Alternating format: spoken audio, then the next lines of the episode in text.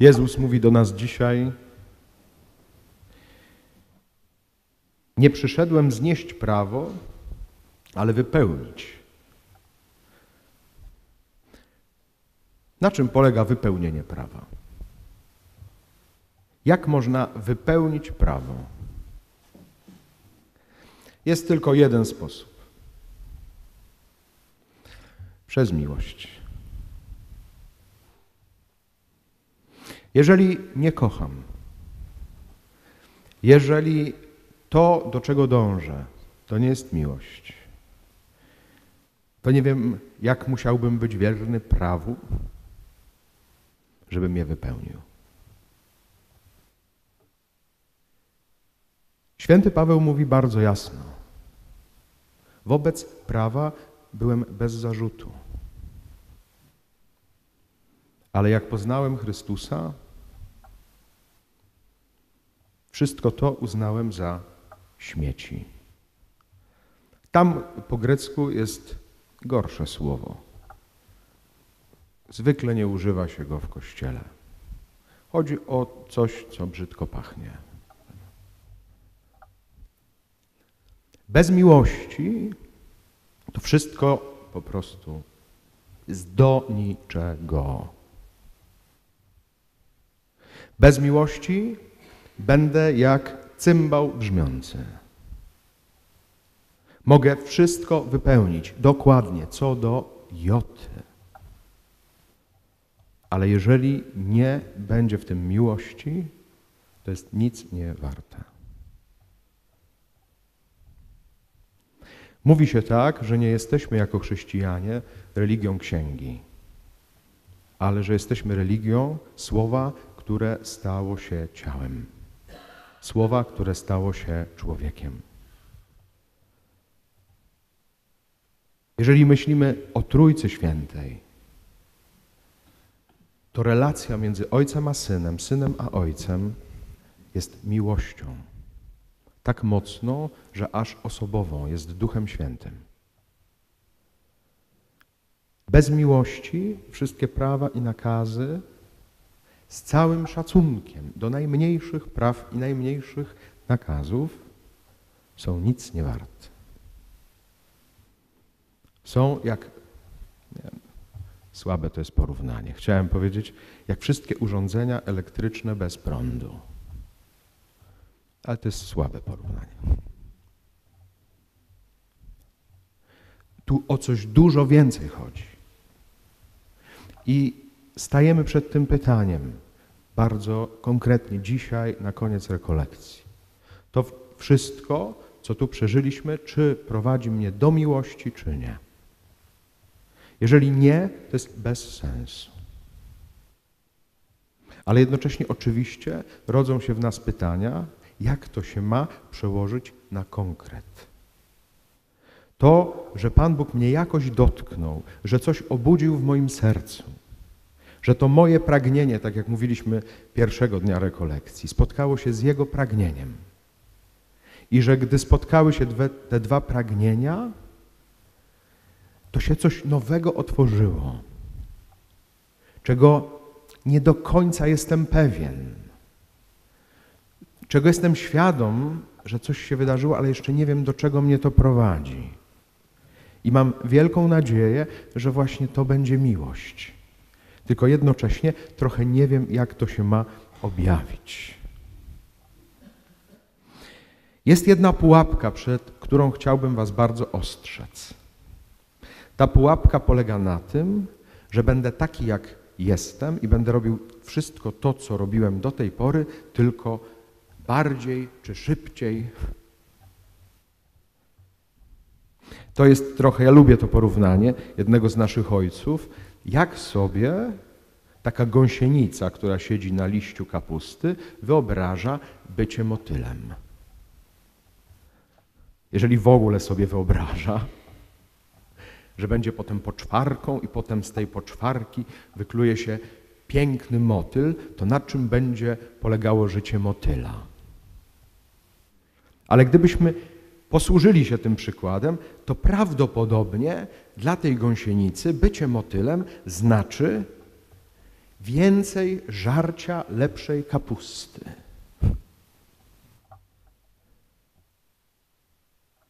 I my bardzo często możemy myśleć o naszym życiu wiecznym, o, na tym, o naszym życiu w niebie, że to będzie więcej i lepiej tego, co teraz jest.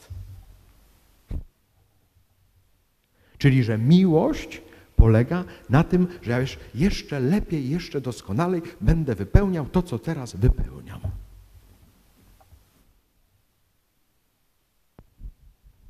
Chętnie Was rozczaruję, że tak nie będzie. Że nie o to chodzi. Czyli, że jak się modlisz tak, jak się modlisz, to musisz sobie dołożyć modlitwy.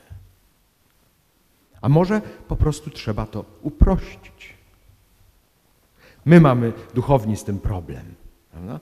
bo mówimy brewiarz, mówimy różaniec, robimy rozmyślanie, czytamy Biblię, nie wiem, coś jeszcze robimy, to co jeszcze sobie dołożymy? Jeszcze koronki, nowenny, co tam jeszcze nam przyjdzie do głowy? Więcej, więcej, więcej. A może kierowni, znaczy kierunek jest zupełnie przeciwny, zupełnie odwrotny. Żeby to wszystko uprościć.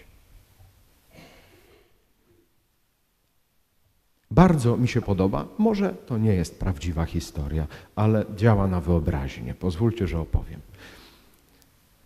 Był pewien biskup, miał taką dziwną diecezję położoną na wyspach. I żeby odwiedzać swoich diecezjan, pływał statkiem od wyspy do wyspy i robił tak zwaną wizytację. I dopłynął kiedyś do małej wyspy, na której żyło trzech mnichów. Gdy ich spotkał, spytał, co tu robicie? Oni odpowiedzieli, no jesteśmy mnichami i modlimy się. Biskup spytał, a jak się modlicie? No my jesteśmy tępi, odpowiedzieli, więc się modlimy bardzo prosto. Taką modlitwą nas jest trzech, was jest trzech, niech Bóg będzie uwielbiony i w kółko to powtarzamy. Biskup mówi, to nawet nie umiecie modlitwy Ojcze Nasz? Oni, nie umiemy, bo my jesteśmy tępi.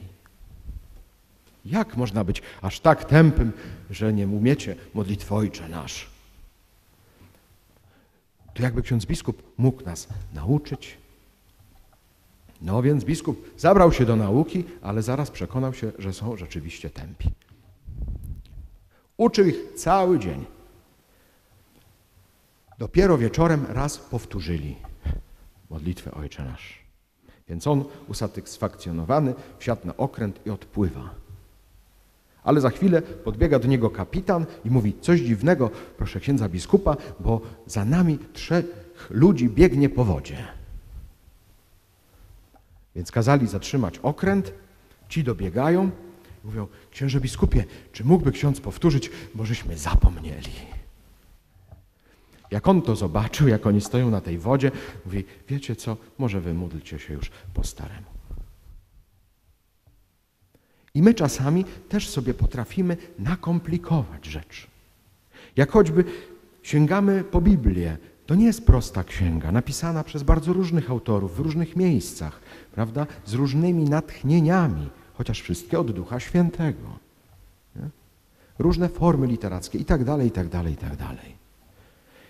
Jak stajemy czasami przed taką księgą, to myślimy, ale przecież ja nic z tego nie zrozumiem. To nie ma co zaczynać nawet.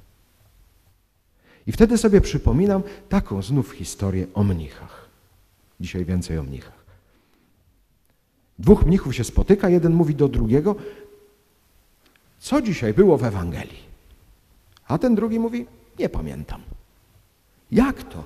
Ty, będąc mnichem, nie pamiętasz, co było w Ewangelii?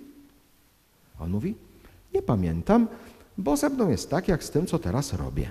A właśnie płukał warzywa w strumieniu. Miał taki wiklinowy kosz, wkładał ten kosz z warzywami do strumienia i płukał. I mówi, to jest tak, jak z tym, co teraz robię. Wyjmuje potem ten kosz, wody w środku nie ma, nic nie zostaje, ale warzywa są czyste. Tak jest z moim czytaniem Słowa Bożego. Nic nie zapamiętuję, ale czuję się oczyszczony. I to jest pierwsza lekcja czytania Biblii. Czytaj dla oczyszczenia, nie dla zrozumienia. Słowo Boże, jeżeli jest żywe i skuteczne, to ono wie, jak działać. Nie musisz uczyć go, ale musisz go zasiewać w swoim życiu. Musisz puszczać tą wodę żywą przez swoje życie. Musisz czytać, żeby ono mogło cię oczyścić.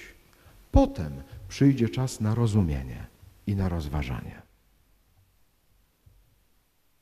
Mówimy czasami, najwznioślejsza modlitwa to jest kontemplacja. Och, to rzeczywiście wzniosła modlitwa, kontemplacja. A katechizm Kościoła katolickiego mówi, to jest najprostsza ze wszystkich modlitw. Jak to? No właśnie tak to. Najprostsza, bo do modlitwy kontemplacyjnej kompletnie niczego nie potrzebujesz. Już do medytacji potrzebujesz no trochę właśnie znać Pismo Święte, żeby móc rozważać. Do różańca przynajmniej musisz umieć Ojcze nasz zdrowaś Mario. Jak, jaki wzór stawia katechizm Kościoła katolickiego jako wzór kontemplatyka? Nie jest to Jan od Krzyża, nie jest to Teresa Zawila. Katechizm podaje jako wzór kontemplatyka chłopa z Ars którego podejrzał kiedyś proboszcz Jan Wianej, że przychodzi i siada na końcu kościoła i siedzi. Jak się tym zainteresował, podszedł do niego i spytał, co ty robisz? On powiedział tylko, ja patrzę na niego, a on patrzy na mnie i tak sobie patrzymy. I to jest najprostsza i najwznioślejsza modlitwa. I ten chłopiec jest tego wzorem. Dlaczego? Dlatego, że się spotyka. Pamiętamy tą historię z Ewangelii o faryzeuszu i o celniku. I faryz, faryzeusz się bardzo gorliwie modli. Modli się, właśnie daje dziesięcinę ze wszystkiego, co posiada, pości dwa razy w tygodniu i pewnie jeszcze robi mnóstwo innych rzeczy. I co? I Jezus mówi, ja się z nim nie spotykam a z celnikiem, który nie jest w stanie wzroku podnieść do góry i mówi: Miej litość nade mną, grzesznikiem, z nim się spotykam. Dlaczego? Bo faryzeusz modli się do samego siebie, a celnik modli się do Boga. Oczywiście może być tak też, że celnik powie: O, dziękuję Ci, panie, że nie jestem jak ten faryzeusz. I wtedy to on jest faryzeuszem. Ale jeżeli zwracam się prosto do Boga, Ty jesteś tu, ja jestem tu, patrzymy na siebie. Jesteśmy tak, jak podczas adoracji, kiedy wiem, Pan Jezus jest jak słońce. Ja siedzę i się opalam tylko. Nic nie muszę robić. On działa. Dotyka mnie swoim światłem. Ale w tym wszystkim rzeczywiście chodzi o prostą miłość.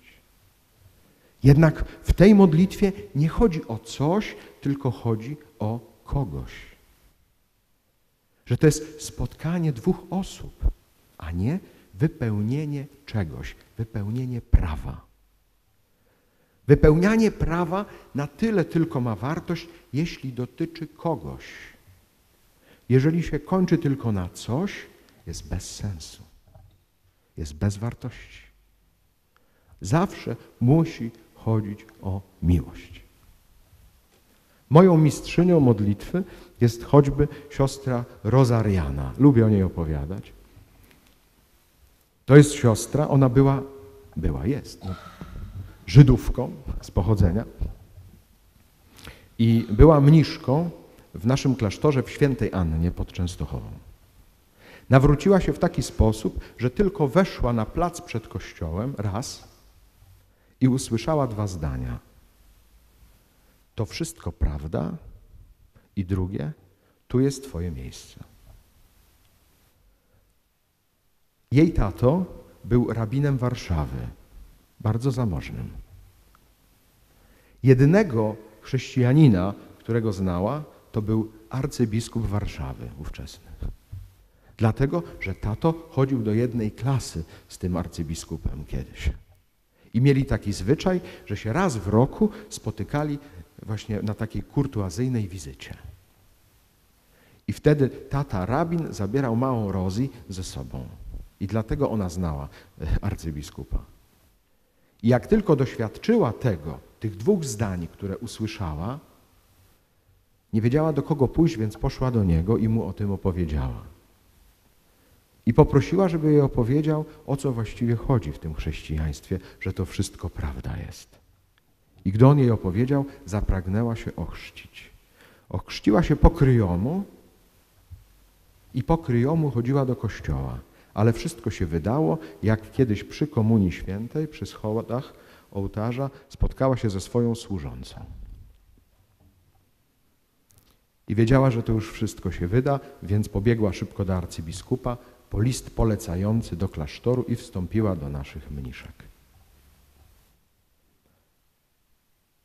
Ona miała bardzo prostą relację z Panem Jezusem, ale jednocześnie bardzo zażyłą. Można by powiedzieć krewką. Ona przechodziła choćby pod krzyżem, tak patrzyła na Pana Jezusa i mówiła: Och, Żydku, Żydku, jak ja Ciebie kocham. Czasami przychodziła do kaplicy i mówiła: Żebyś mi tego Goldsteina nawrócił. Podchodziła do tabernakulum, wyjmowała list, pocierała o drzwiczki i mówiła: Żebyś nie mówił, żeś nie widział.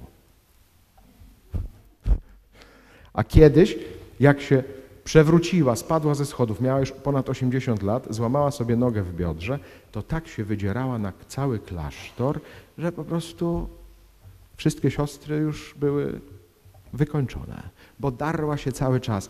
Ty Żydzie, jak cię matka wychowała, nic mnie nie pilnujesz, co ty sobie wyobrażasz, że ja po to do klasztoru wstąpiłam, żeby po szpitalach jeździć. I tak cały czas, prawda? Nie mógł lekarz przyjechać, bo to jest na wsi daleko, wtedy nie było takiej możliwości, więc musiała jakoś dotrwać do rana, więc siostra Magdalena mi to opowiadała, która była jej sąsiadką. Mówi, darła się całą noc.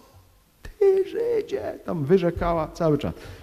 Mówi, rano dzwon na modlitwy, mówi Magdalena, wychodzę, ale obok otwierają się drzwi, wychodzi Rozariana. Idzie na modlitwy. Przyjechał lekarz, powiedział, rzeczywiście było złamanie, ale już jest zrośnięte. I siostra Rozariana była w ogóle mistrzynią w wypraszaniu dzieci małżeństwom, które nie mogły mieć dzieci. W ogóle to miejsce Święta Anna pod Częstochową bardzo siostry mają dużo istnień na sumieniu, że wyprosiły piękne dzieci. A Rozariana była mistrzynią. Mniej więcej podobno tak to wyglądało, że przychodziło takie młode małżeństwo, siedzieli tacy niepewni za tą kratą, bo tam jest krata. Ona przychodziła i mówi, co ma być chłopiec, dziewczynka, jak ma mieć na imię? Da się załatwić. I szła i dało się załatwić. Czy można tak się modlić?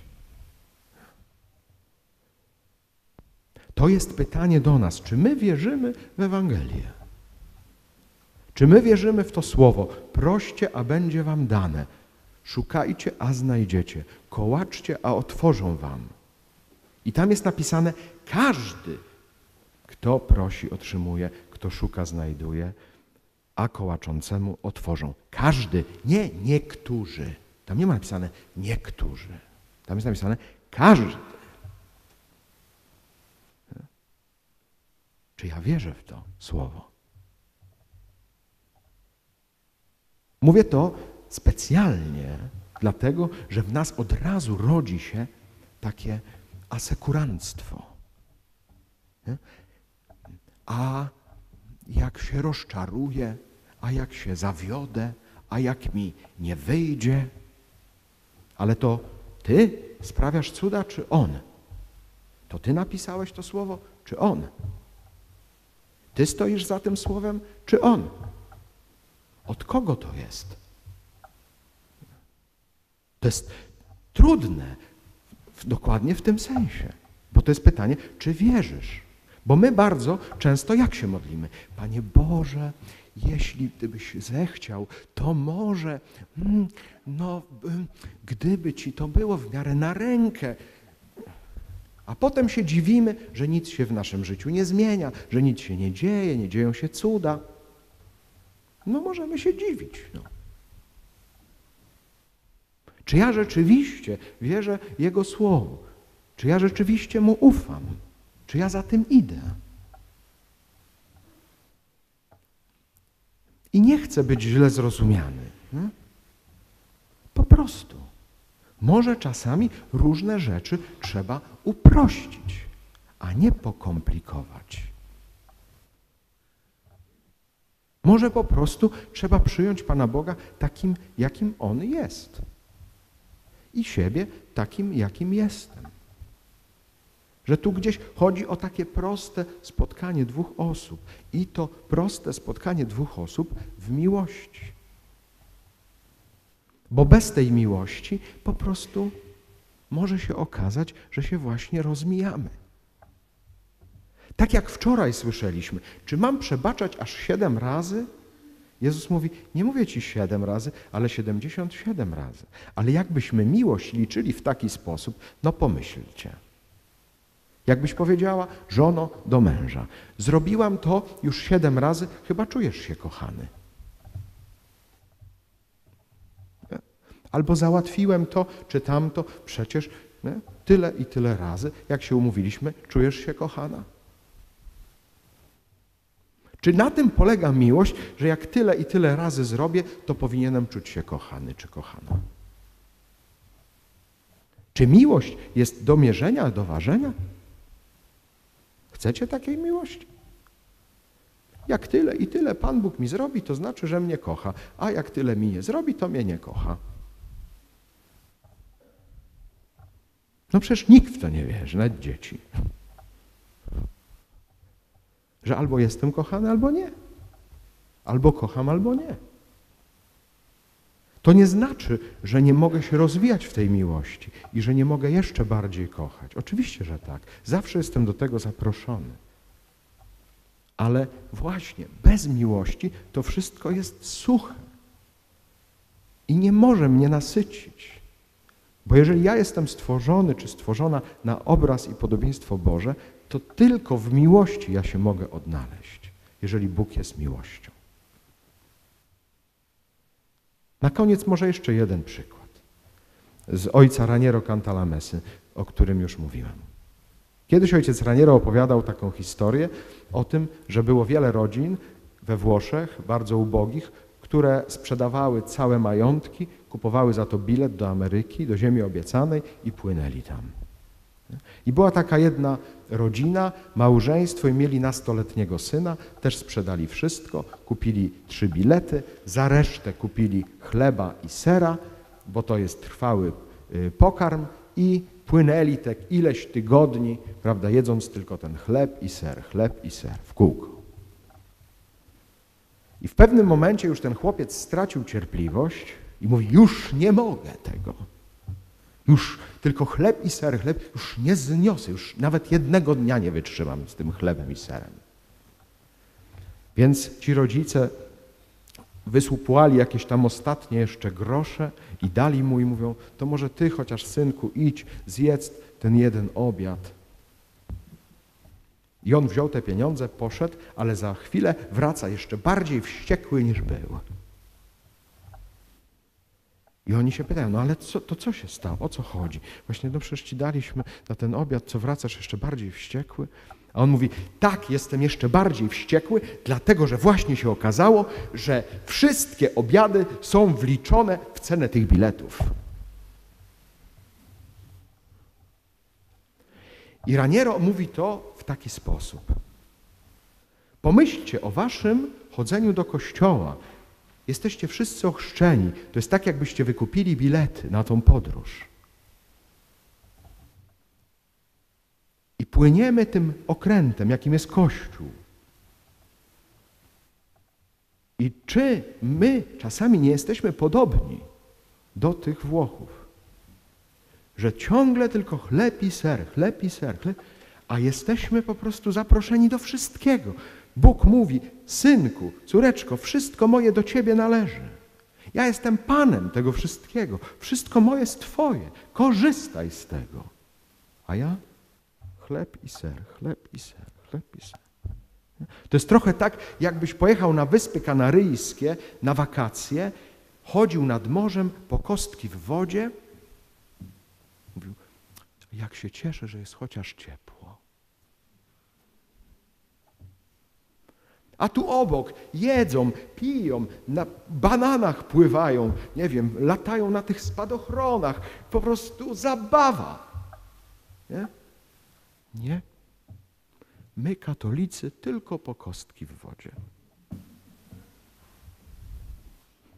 Tak jesteśmy nauczeni. Tak, no tak jest. Ja przyznam, że tak naprawdę mi się zmieniło myślenie bardzo późno. Ale właśnie moja droga zmiany jest dokładnie podobna do tego chłopca. Że w pewnym momencie już nie wytrzymałem, walnąłem pięścią w stół, mówię, nie będę tak dalej żył. Chyba nie na tym to polega. No, nie? Czy tu nie można normalnie zjeść? Chleb i ser. Synu, tak było od zawsze. Jakby tutaj, o, czy coś takiego jest? Czy ja czasami po prostu nie żyję tak, że sobie nie zdaję sprawy z tego, co jest w Kościele? I że ja mogę z tego czerpać pełnymi garściami. Mogę w tą stronę iść, w tamtą, zaczerpnąć z tego wszystkiego. Mm, może lepiej nie. Jasne, mówię prosto to, w sposób oczywisty. Pomaga mi w tym hasło, które jest hasłem tego roku. Idźcie i głoście. Naprawdę, ja odkryłem tą szerokość Kościoła wtedy, jak się zdecydowałem, tak jak mówi papież Franciszek, wstać z kanapy i pójść. Bo mogę siedzieć na kanapie z pilotem, klik, klik, zmieniają mi się te obrazy, hmm, a ja jestem taki, jaki jestem no jakoś dociągniemy do emerytury, do śmierci. Może potem będzie więcej kapusty lepszej do żarcia.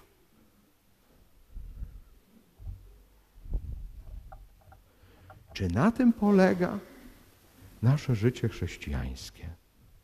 Trochę Was z tym pytaniem prowokacyjnie chcę zostawić ale tak naprawdę chcę Was zachęcić do tego, że może warto, jeżeli Wam to nie pasuje, co jest, uderzyć tą pięścią, jak ten młody człowiek, powiedzieć: Ja chcę czegoś innego.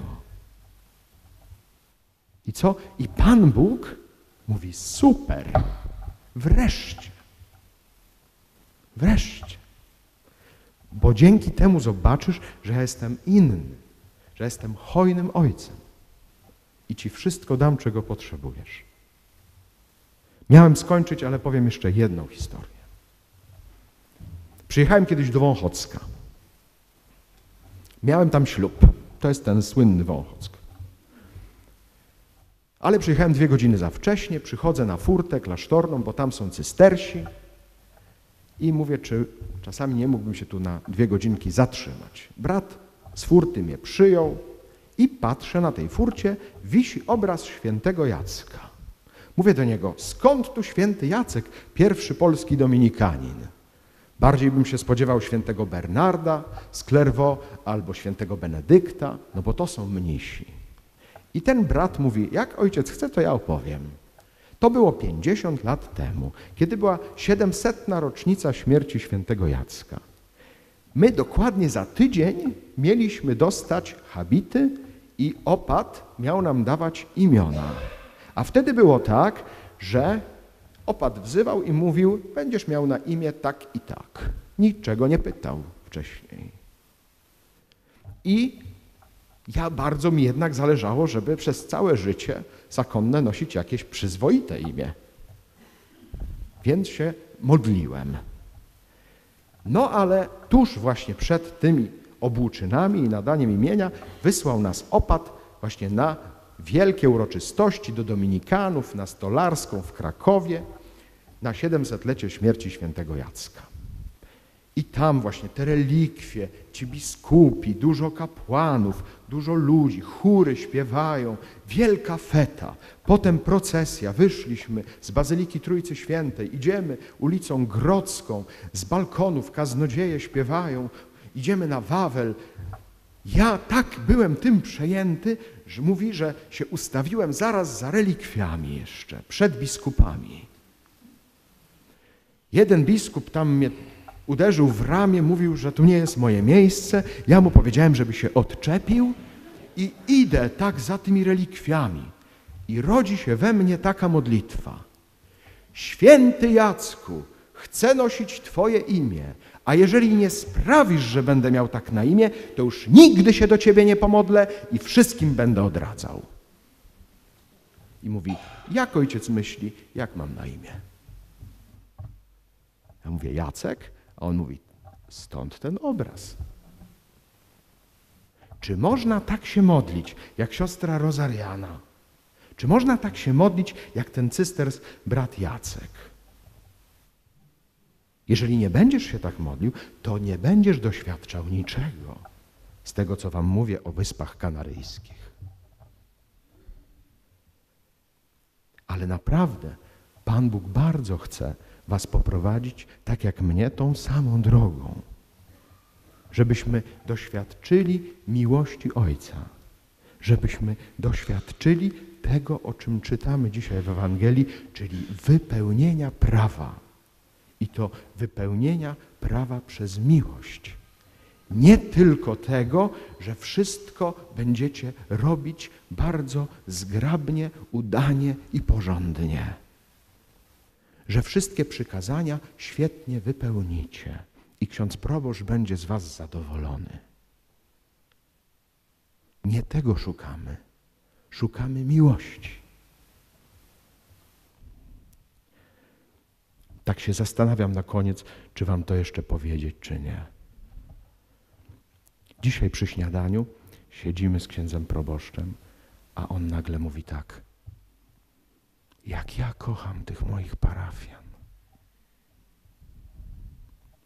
Ja sobie pomyślałem, czy wam zambony nie zadać tego pytania, a wy kochacie księdza proboszcza? Jeżeli nie, to jeszcze, jeszcze jesteście daleko. I nie dlatego, że on jest znakomity, czy że wy jesteście znakomici. Nie dlatego on was kocha, że jesteście świetni. Bo się nie kocha za to, że ktoś jest doskonały. Tylko po prostu. Niech Bóg nam udzieli tej łaski, której nic innego nie zastąpi.